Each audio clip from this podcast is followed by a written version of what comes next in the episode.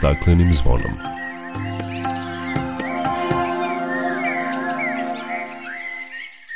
Dobar dan i dobrodošli na Zeleni talas prvog programa radija Radio Televizije Vojvodine. Ja sam Dragana Ratković.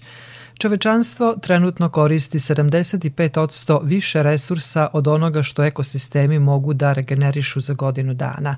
Ove godine, 28. jul, biće dan kada će čovečanstvo zvanično potrošiti sve raspoložive resurse koje ekosistemi mogu da obnove i od tog dana će biti u ekološkom dugu. Srbija je ušla u ekološki dug 8. jula jer smo potrošili sve resurse za ovu godinu.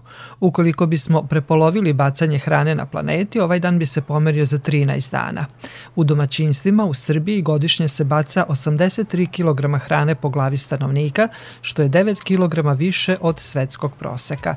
Govorit ćemo o mogućnostima korišćenja otpada od hrane u energetske svrhe, koji kod nas i dalje predstavlja neiskorišćeni potencijal. Čućete kako u Potisiju Bečaj koriste suvi led za hlađenje deponije. Biće reči i o danu rezervata biosfere Bačko Podunavlje i Evropskog Amazona, koji se obeležava 14. jula, o povećanju populacije belih roda u Novom Sadu, kao i o susretu evropskih sela roda u Tarašu. Toliko u najavi nakon pozdravne pesme o svemu opširnije. Dok za vladarskim svojim tronom tužno vele narikače pod staklenim smo zvonom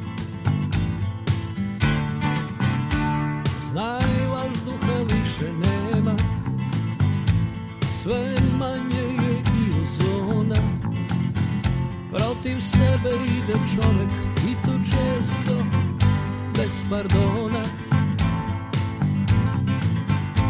Uništenju živog sveta Kao da su ljudi skloni Čovek sam je sebi meta Zbog njega ovo zvono zvoni Uništenju živog sveta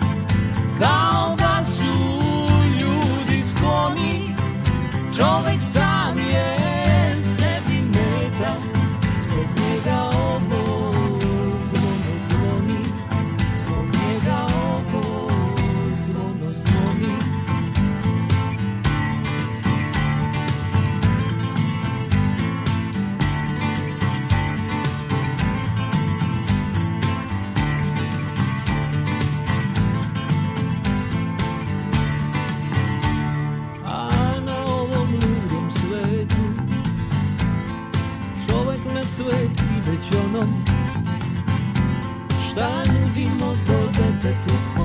izgubljeni kad smo zvonom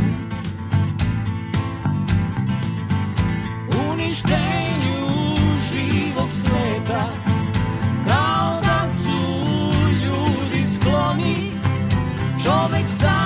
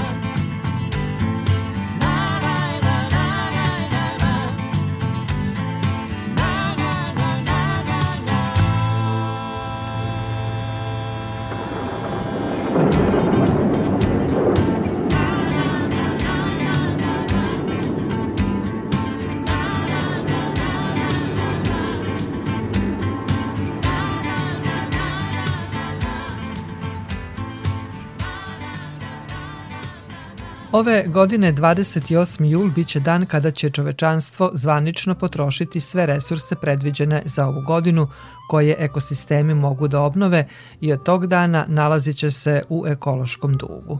Dan ekološkog duga dolazi dan ranije nego prošle godine, dok je pre dve godine zbog pandemije virusa korona taj datum bio pomeren 24 dana unazad, pošto je čovečanstvo trošilo manje resursa. Za većinu država širom sveta ovaj neslavni datum već je prošao. Srbija je u ekološkom dugu od 8. jula, Hrvatska i Bosna i Hercegovina su svoje resurse za celu godinu potrošile 29. maja, Severna Makedonija 6. jula, a Slovenija još 18. aprila. Neke od zemalja koje neće biti u ekološkom dugu su Afganistan, Bangladeš, Kambođa, Gambija, Haiti, Kenija i Madagaskar. Čovečanstvo trenutno koristi 75% više resursa od onoga što ekosistemi mogu da regenerišu za godinu dana. Činjenica da dan prekoračenja ove godine dolazi ranije nego ikada ukazuje na to da hitno moramo da promenimo odnos prema prirodnim resursima i počnemo da ih koristimo održivo. Efikasna rešenja trebalo bi primeniti u svim segmentima od energetike, poljoprivrede, industrije i saobraćaja do zaštite prirodnih dobara, prelaska na cirkularnu ekonomiju i upravljanja otpadom. Recimo, ukoliko bismo prepolovili bacanje hrane, ovaj dan bi bio pomeren za 13 dana. Prema podacima izveštaja programa za zaštitu životne sredine Ujedinjenih nacija, u domaćinstvima u Srbiji godišnje se baca 83 kg hrane po glavi stanovnika, što je 9 kg više od svetskog proseka. Od skoro 3 miliona tona komunalnog otpada koliko se godišnje generiše, čak 40% čini biootpad u koji ulazi i otpad od hrane. Korišćenje tog otpada u energetske svrhe i dalje predstavlja neiskorišćeni potencijal, ukazuju stručnjaci. Više o tome Branka Dragović-Savić. Nedostatak podsticaja, nizak nivo znanja i nezainteresovanost preduzeća i zdravstvenih ustanova su tri glavne prepreke odgovornom upravljanju otpadom od hrane, po mišljenju više od 80% ispitanika koji dolaze iz ovih sektora. Istraživanje o informisanosti velikih generatora otpada od hrane predstavljeno je nedavno na konferenciji ka boljem upravljanju otpadom od hrane, a jedna od glavnih preporuka jeste uvođenje obaveze razdvajanja otpada za sve koji dnevno prave ili služe više od 50 obroka. Ono što svi za početak treba da preduzmemo jesu mere prevencije, kako ne bismo bacali stvari koje su još uvek resurs i mogu se upotrebiti, kaže pomoćnica ministra zaštite životne sredine Sandra Dokić podaci govore da oko 2,95 miliona tona na godišnjem nivou se generiše komunalnog otpada.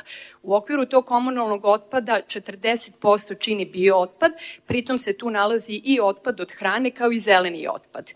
Ono što mi sa sigurnošću znamo jeste da količina otpada koja se generiše na deponijama, a sada je ona blizu 80%, je izuzetno visoka i da prema svim standardima Evropske unije otpad koji se generiše na e, samim sanitarnim deponijama će morati vremenom da se smanjuje. To znači da on kao takav ima svoju upotrebnu vrednost i imaće je i da se e, prilikom svih aktivnosti mora naravno poštovati i e, sama hijerarhija upravljanja otpadom, a prvo od njih jeste prevencija nastanka otpada. Upravo je zapravo to sam potencijal i od otpada od hrane.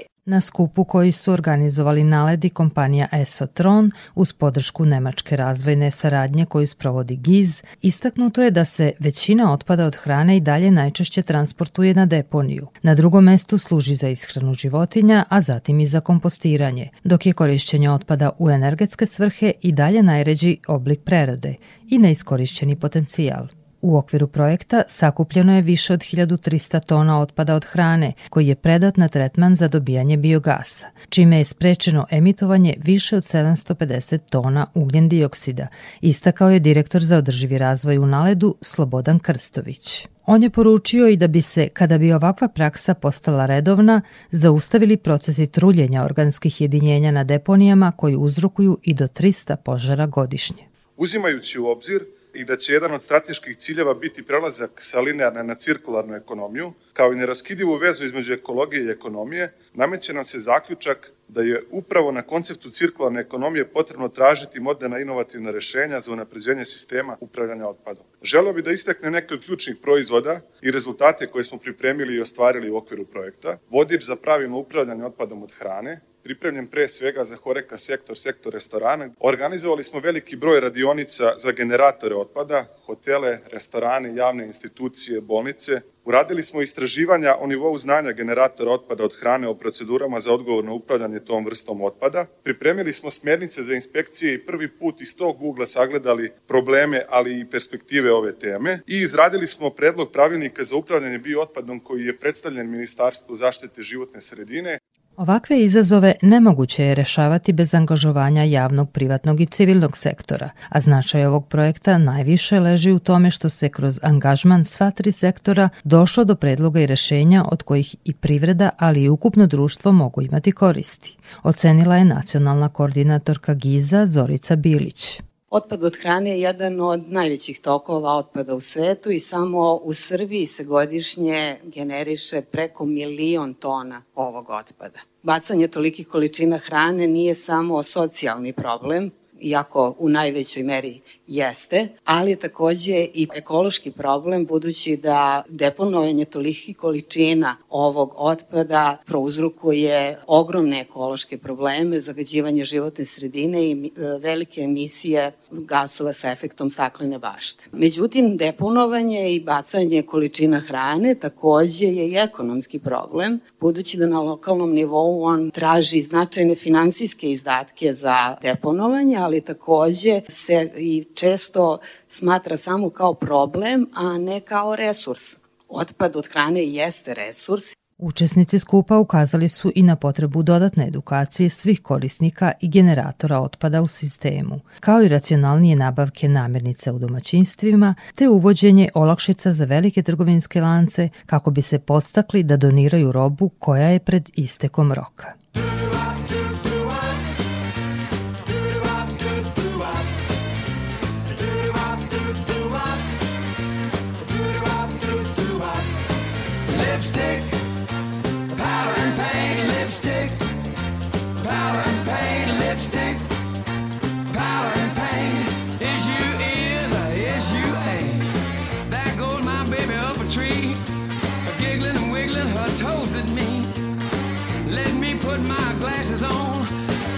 Such loving since she's been gone. Lipstick, powder and paint, lipstick,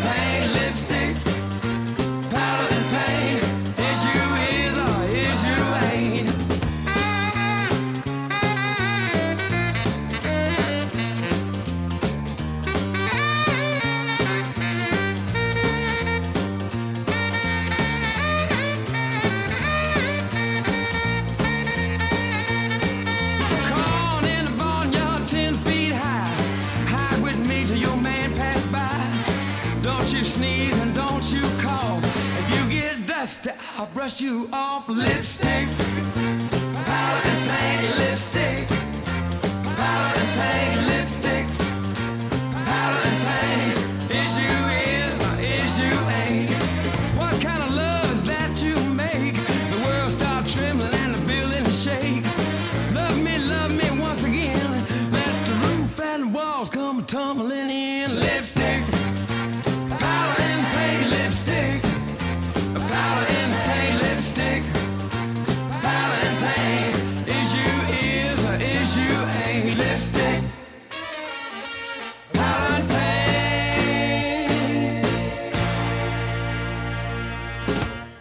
Slušate emisiju pod staklenim zvonom.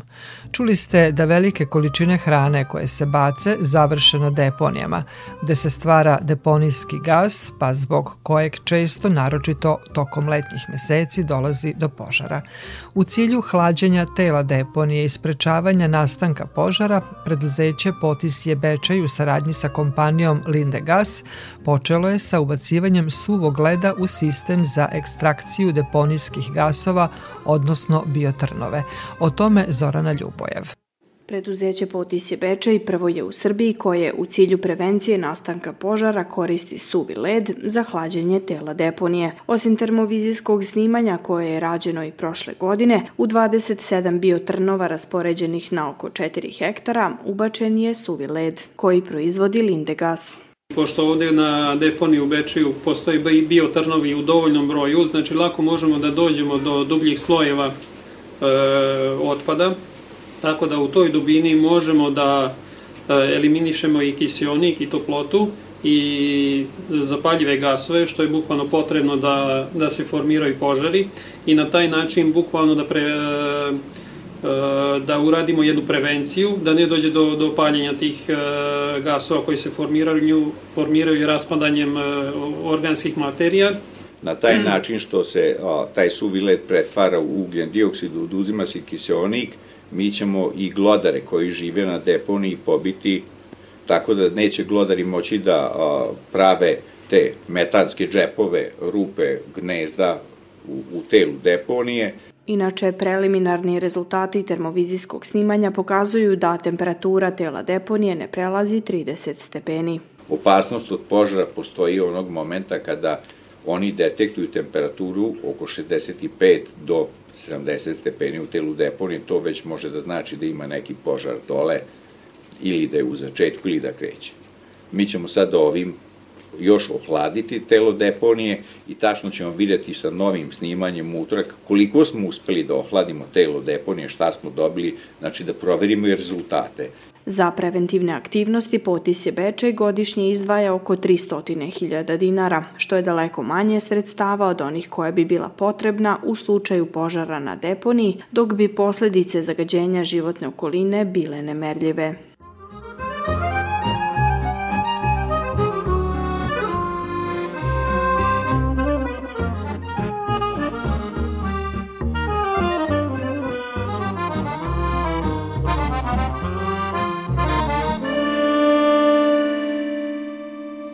U gradskoj kući u Sremskoj Mitrovici održana je radionica o temi modeli i perspektive upravljanja otpadom u gradu Sremska Mitrovica u okviru projekta Održivi razvoj za sve platforma za lokalni dijalog. Cilj je dijalog sa sugrađanima, slušanje njihovih saveta kao i edukacija o separaciji otpada.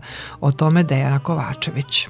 Radionici su mogli da prisustvuju svi zainteresovani građani, koji su mogli da se informišu o edukaciji i značaju pravilnog odlaganja i separaciji otpada u gradu, kao i o pravilnom korišćenju novih plavih kanti koje su podeljene individualnim domaćinstvima. Radionici je prisustvovao i Milan Vignjević, predsednik Saveta mesne zajednice Nikola Tesla. Došli smo još da dobijemo ovaj, kako se savete dalje, na dalje u budućnosti kako ćemo da recikliramo i da sarađujemo sa našim građanima. Što se tiče akcije ovih otpada plavi kanti bio je veliki odziv građana, svi su zadovoljni, to su kante za papir, plastiku i metal, bit će posebno reciklirano, građani su zadovoljni, Nadležni ističu da su Mitrovčani svesni da je Sremska Mitrovica jedna od vodećih lokalnih samouprava u oblasti upravljanja otpadom, te da je veoma bitan glas naroda kao i njihova edukacija. Izjavila je Tamara Milković, referent za odnose sa javnošću javno-komunalnog preduzeća Komunalije Sremska Mitrovica. Ovaj projekat je finansiran od strane e, švajcarske agencije Helvetas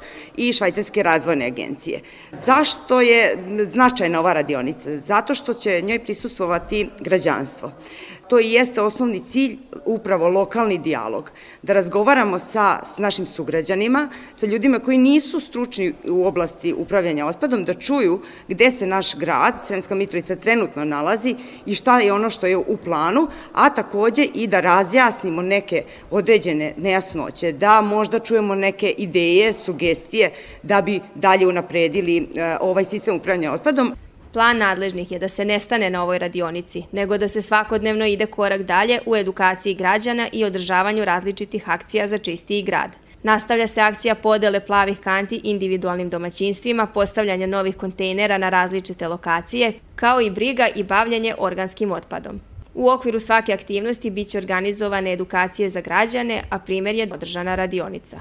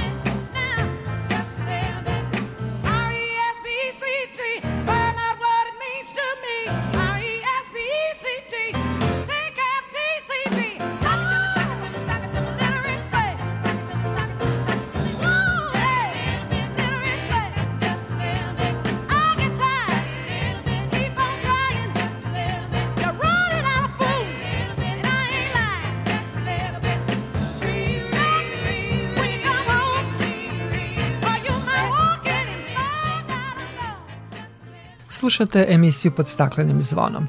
Prošle godine u septembru UNESCO je na svoju listu upisao prekogranični rezervat biosfere Mura Drava Dunav koji se prostire kroz pet država, Austriju, Sloveniju, Hrvatsku, Mađarsku i Srbiju. Deo ovog prekograničnog rezervata u našoj zemlji je rezervat biosfere Bačko Podunavlje. Rezervat biosfere Mura Drava Dunav je najveće zaštićeno rečno područje u Evropi koje zbog izuzetnih prirodnih vrednosti zovu još i Evropski Amazon.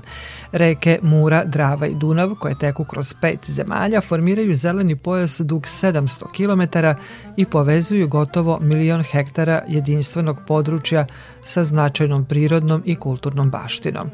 U spomen na Martina Šnajdera Jakobija iz organizacije Euronatur, koji je bio jedan od prvih utemeljivača ideje o uspostavljanju prekograničnog rezervata biosfere duž Mure, Drave i Dunava, kao i začetnika ideje o pentalateralnom prekograničnom rezervatu biosfere, kojim će zajedno upravljati pet država, 14. jul obeležava se kao Dan rezervata biosfere Bačko Podunavlje i Evropskog Amazona o aktivnostima javnog preduzeća Vojvodina šume koje upravlja zaštićenim područjima koji su deo rezervata biosfere Bačko Podunavlje, razgovaram sa Ivanom Vasić, samostalnom stručnom saradnicom za zaštićena područja u tom preduzeću.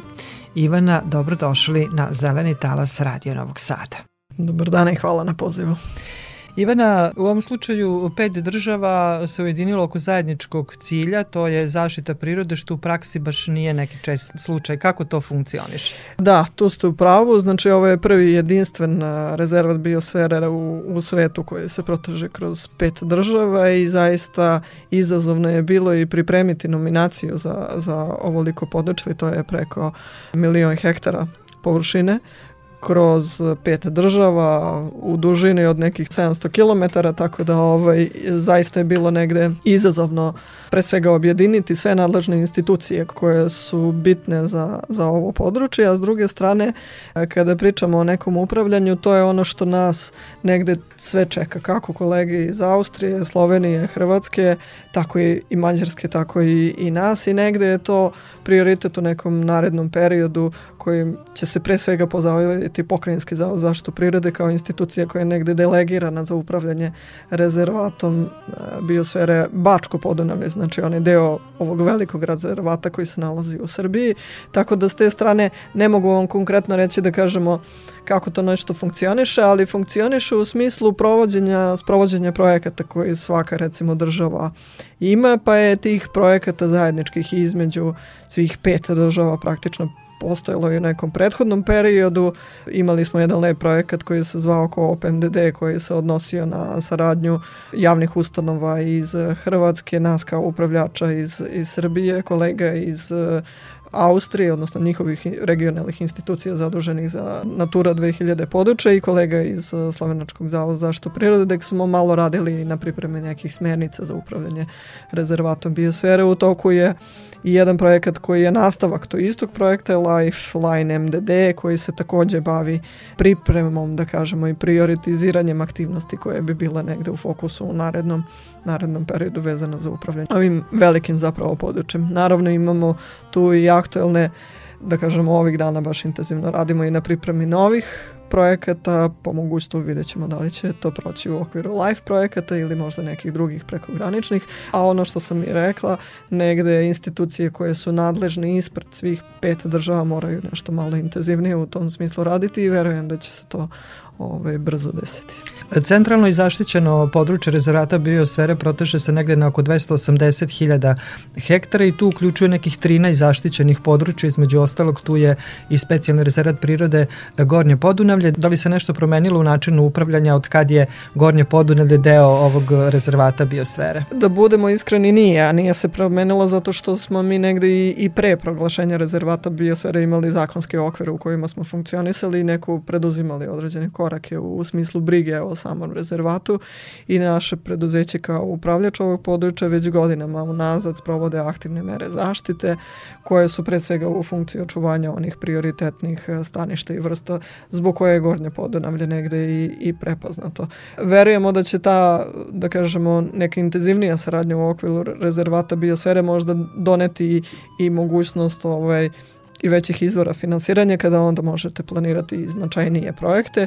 I evo možda i, i da kažemo da zaista smo u poslednje neko vreme ovaj, razgovarali dosta sa kolegama iz uh, drugih država oko suštinskih problema koji su vezane za, za ovo zaštićeno područje, pa tako evo recimo kad je u pitanju Gornje Podunavlje, svi smo svedoci klimatskih promena i ono što se nama već negde evidentno dešava, a to je nedostatak vode ajde tako uslovno da, da kažemo, jer zapravo mi već poslednjih 7 godina nemamo prave poplave onako kako smo ih nekada imali. Taj segment je zaista nešto čime ćemo se morati baviti i u budućnosti, već smo u nekim razgovorima i sa sektorom vodoprivrede, sektorom zaštite prirode generalno, kako da jednostavno očuvamo ta staništa koje su nam prioritetna, a recimo jedno od tih prioritnih staništa poplavna staništa ovaj, Vrba i Topola koja su u tom smislu prepoznata kao prioritetna je nešto na čemu se radi. Da bi imali takav tip staništa, znači da bi imali šume Vrba i Topola,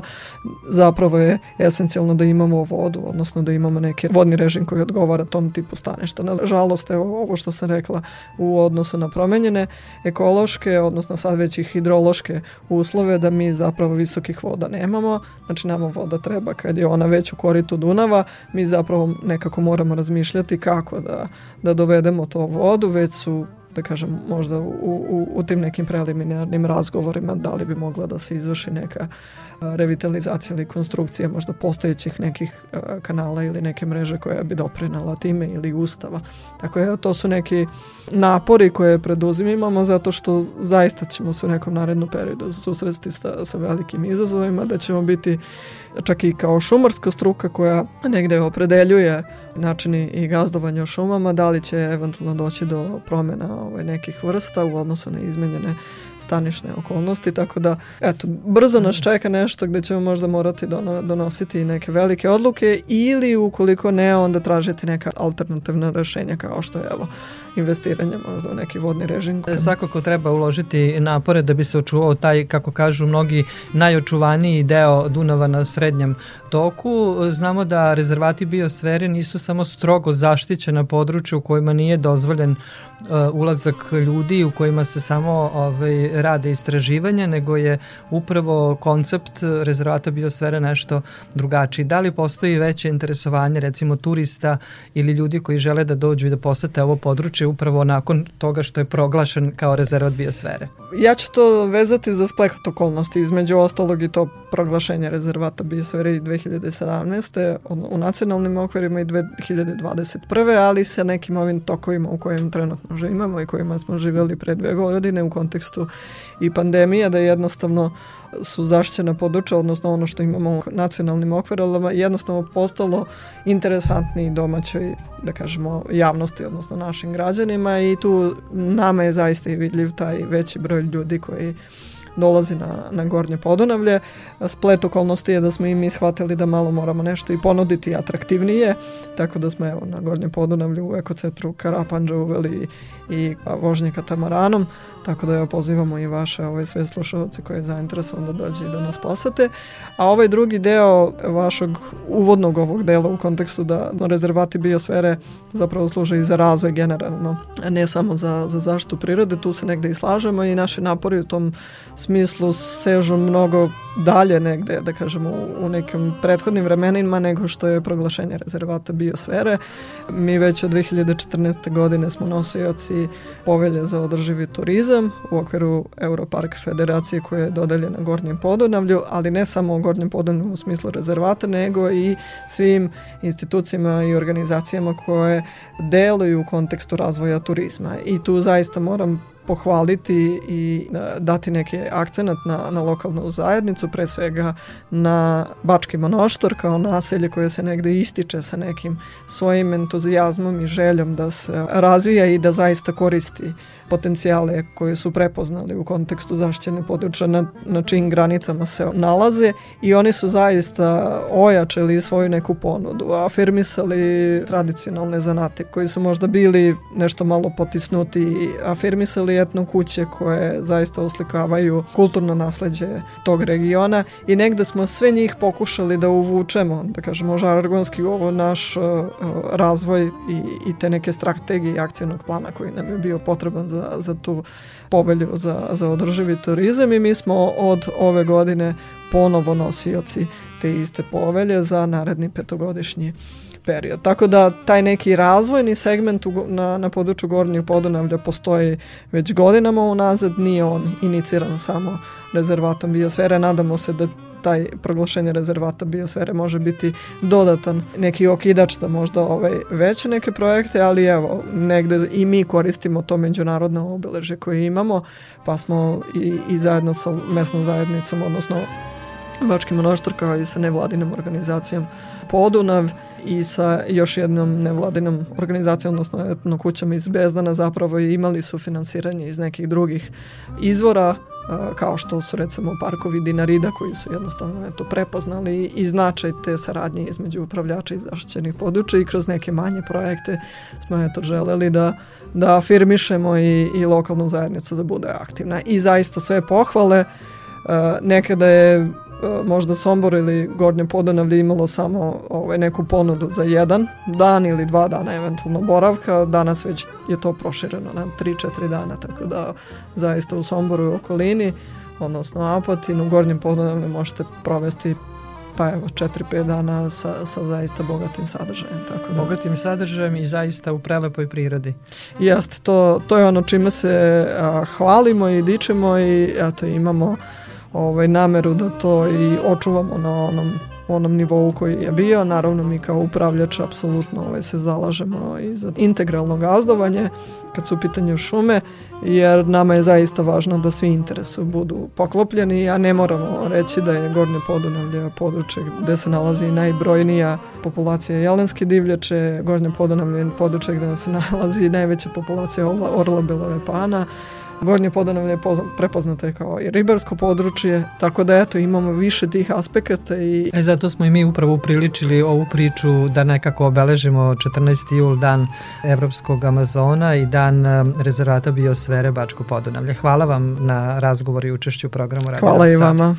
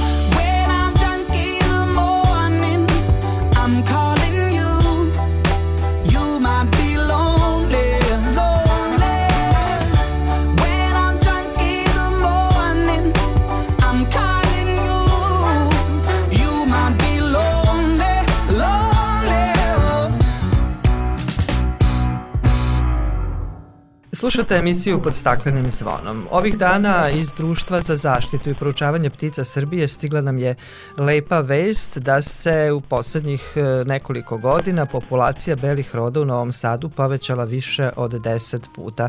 Tim povodom sa nama Sandra Jovanović iz Društva za zaštitu i proučavanje ptica Srbije. Sandra, dobrodošli na Talasa Radio Novog Sada. Bolje vas našle. Hvala na pozivu. Prema poslednjem popisu koji je rađen 2014. i 2015. godine u Novom Sadu se gnezdilo svega tri para belih roda, a u poslednjih osam godina populacija se povećala više od 10 puta. Šta se zapravo desilo?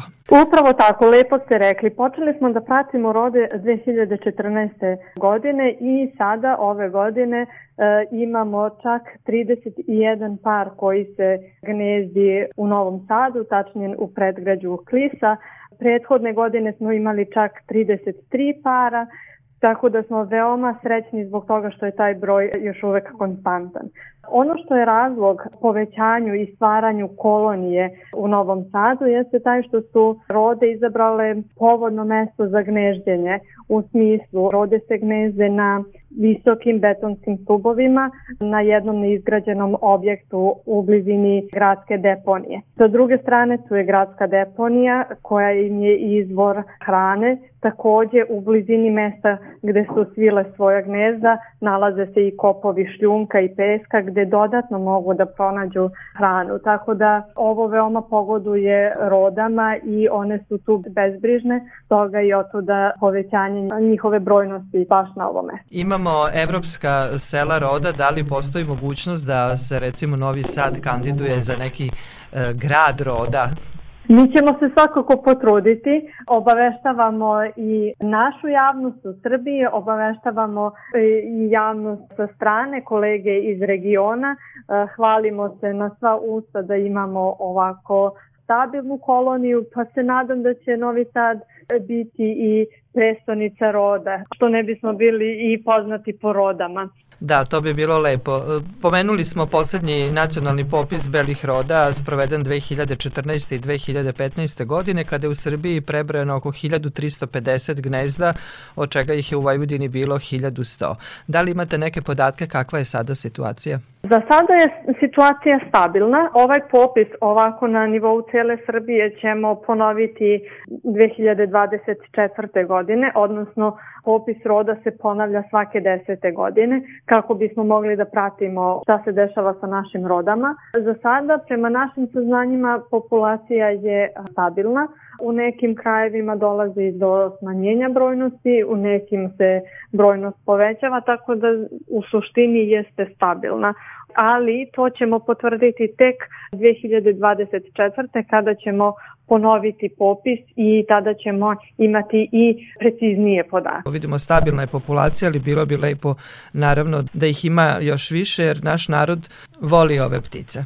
Baš tako, volimo ptice, posebno bele rode jer nas one podsjećaju na nešto lepo, vesnici su proleća, vesnici novog početka, rode donose bebe pa se stoga i lepo obhodimo prema njima. Važno je da njihova gnezda ne rušimo, da ne uznemiravamo mladunce. U nekim krajevima zbeležili smo i slučajeve da se narode puca.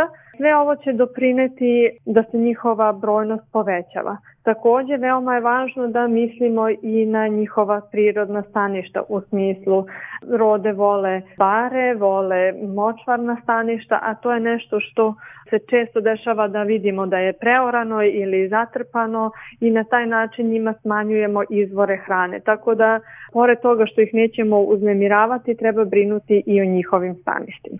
Rode u naše krajeve dolaze među prvima, ali i prve nekako odlaze. Dakle, već u avgustu, krajem avgusta se spremaju na put. Upravo tako. Iznad Novog Sada imat ćemo prilike da vidimo koloniju roda koja se podiže, prave velike krugove, okupljaju se na jednom mestu i onda polako kreću na svoj daleki put i onda ih ponovo očekujemo sledeće godine u martu, tako da to je jedan prirodan ciklus i to tako treba da bude. Vremena na vreme dobijamo informacije i da rode prezimljavaju kod nas. To ne iznenađuje, svedoci smo klimatskih promena, zime više nisu tako hladne, rode imaju izvore hrane kao što su otvorene deponije, tako da one imaju sve uslove da da prežive i da prezime kod nas. Krajem leta iz Novog Sada put Afrike krenuće negde oko 150 belih roda. Nadamo se da će sledeće godine se vratiti na isto mesto, da će se broj parova ovoj koloniji koju imamo na Klisi biti povećan. Sandra, hvala vam lepo za razgovor i učešću u programu Radio Novog Sada. Hvala vama na pozivu i čujemo se ponovo sledeće godine kada nam se rode vrate.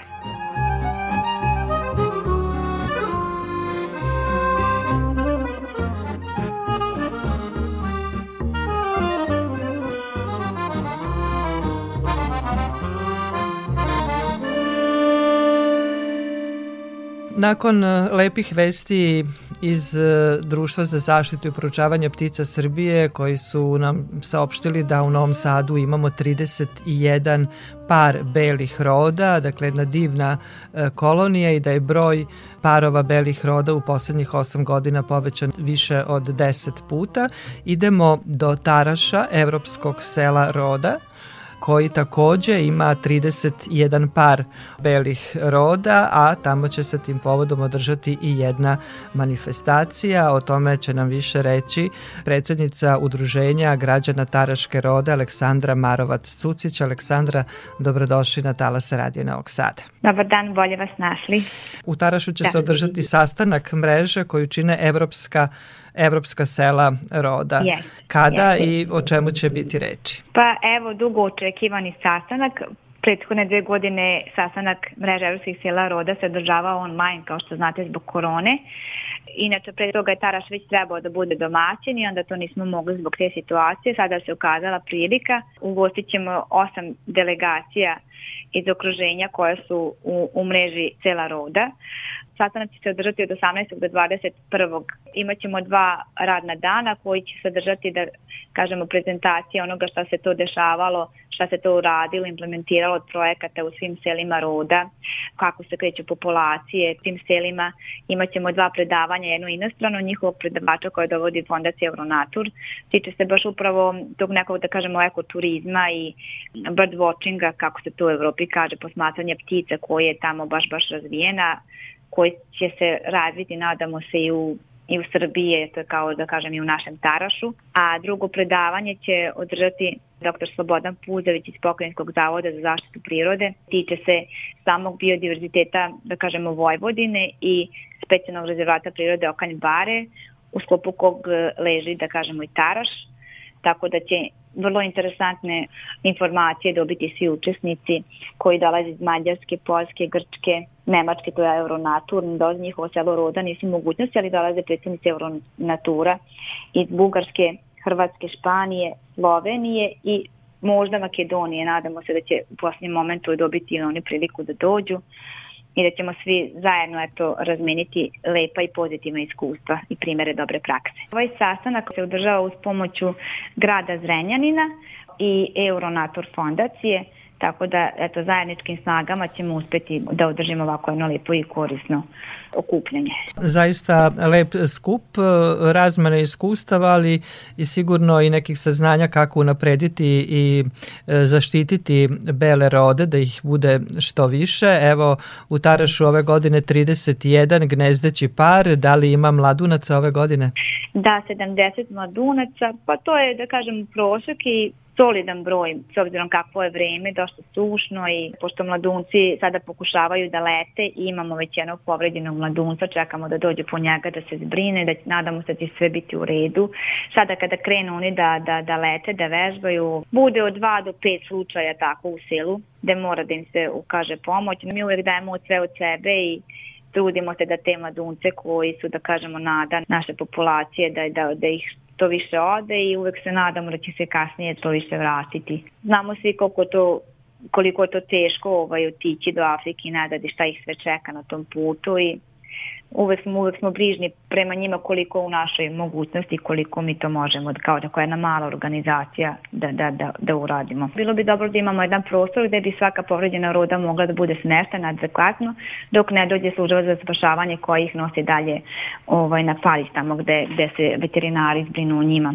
Insistirat ćemo na tom projektu u budući, nadamo se da ćemo uspeti u tome nadamo se i mi da ćete uspeti da sačuvate što veći broj mladunaca i da svake godine povećavate broj gnezdećih parova u evropskom selu roda u Tarašu. Da. Nadam se da ćete biti i dobri domaćini svim uh, delegacijama koji dolaze iz evropskih sela roda. Trudit ćemo se. Aleksandra, hvala vam lepo za razgovor i učešću u programu Radija Novog Sada. Hvala vama najlepše.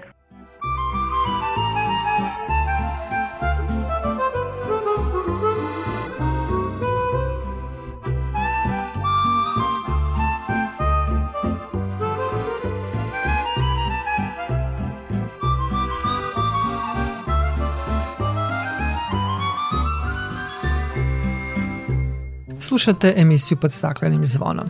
Jul je mesec početka cvetanja ambrozije. Polenove biljke jedan je od najčešćih uzroka alergije na našim prostorima.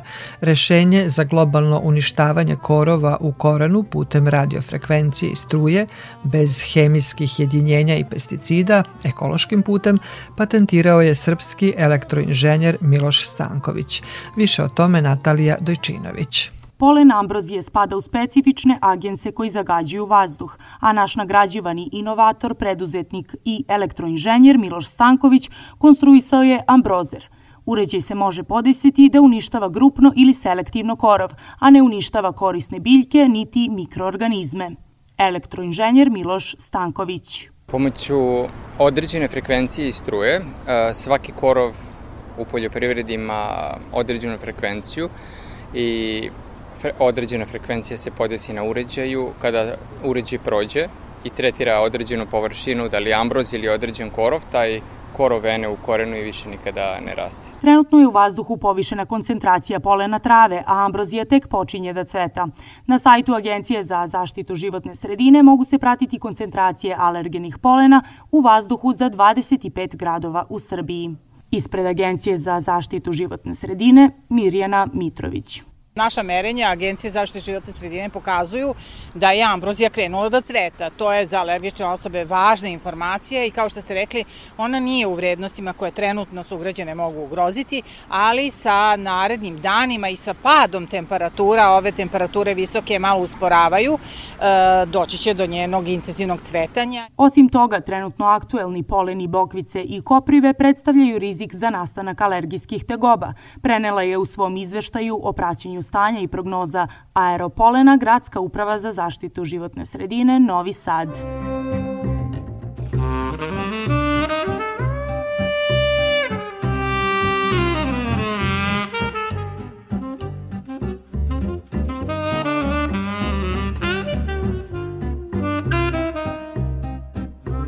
U Subotici je ove godine počela intenzivna akcija promocije udomljavanja pasa iz prihvatilišta za napuštene životinje.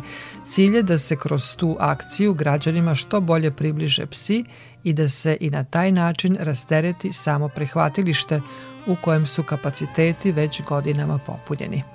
Kristijan Takač.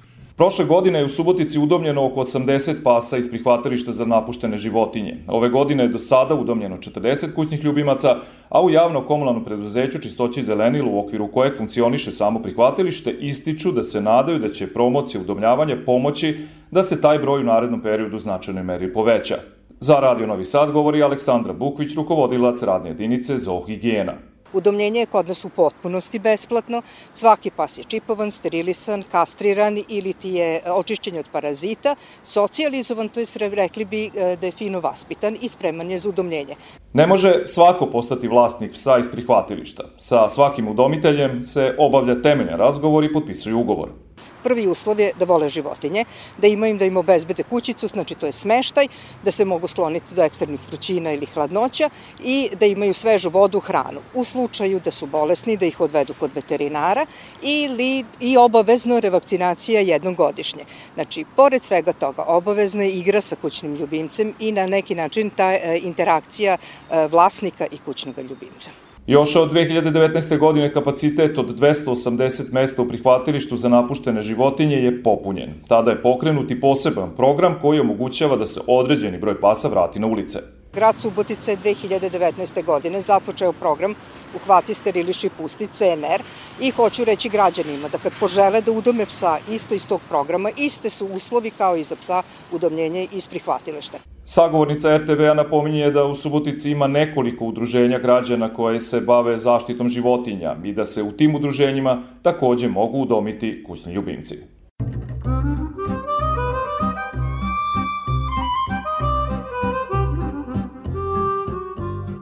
Toliko za ovo izdanje emisije pod staklenim zvonom koju možete slušati i odloženo na podcastu Radio Televizije Vojvodine na adresi rtv.rs. Na pažnje vam zahvaljuju i Boja Šanca, Zoran Gajinov i Dragana Ratković. Sledeći susret zakazujemo za sedam dana u isto vreme na zelenom talasu prvog programa radija Radio Televizije Vojvodine.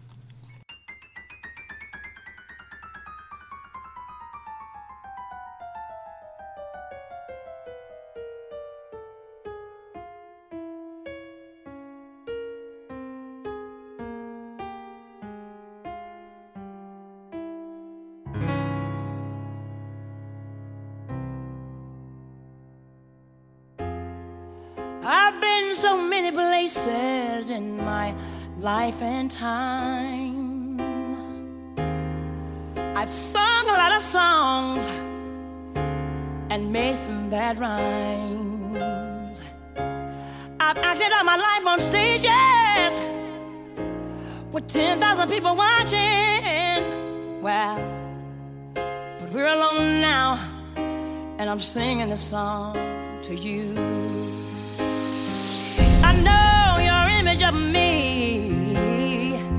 Is what I hope to be.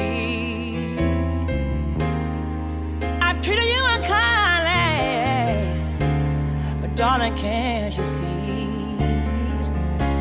There's no one more important to me. Baby, can't you see through me? We're alone now, and I'm singing a song to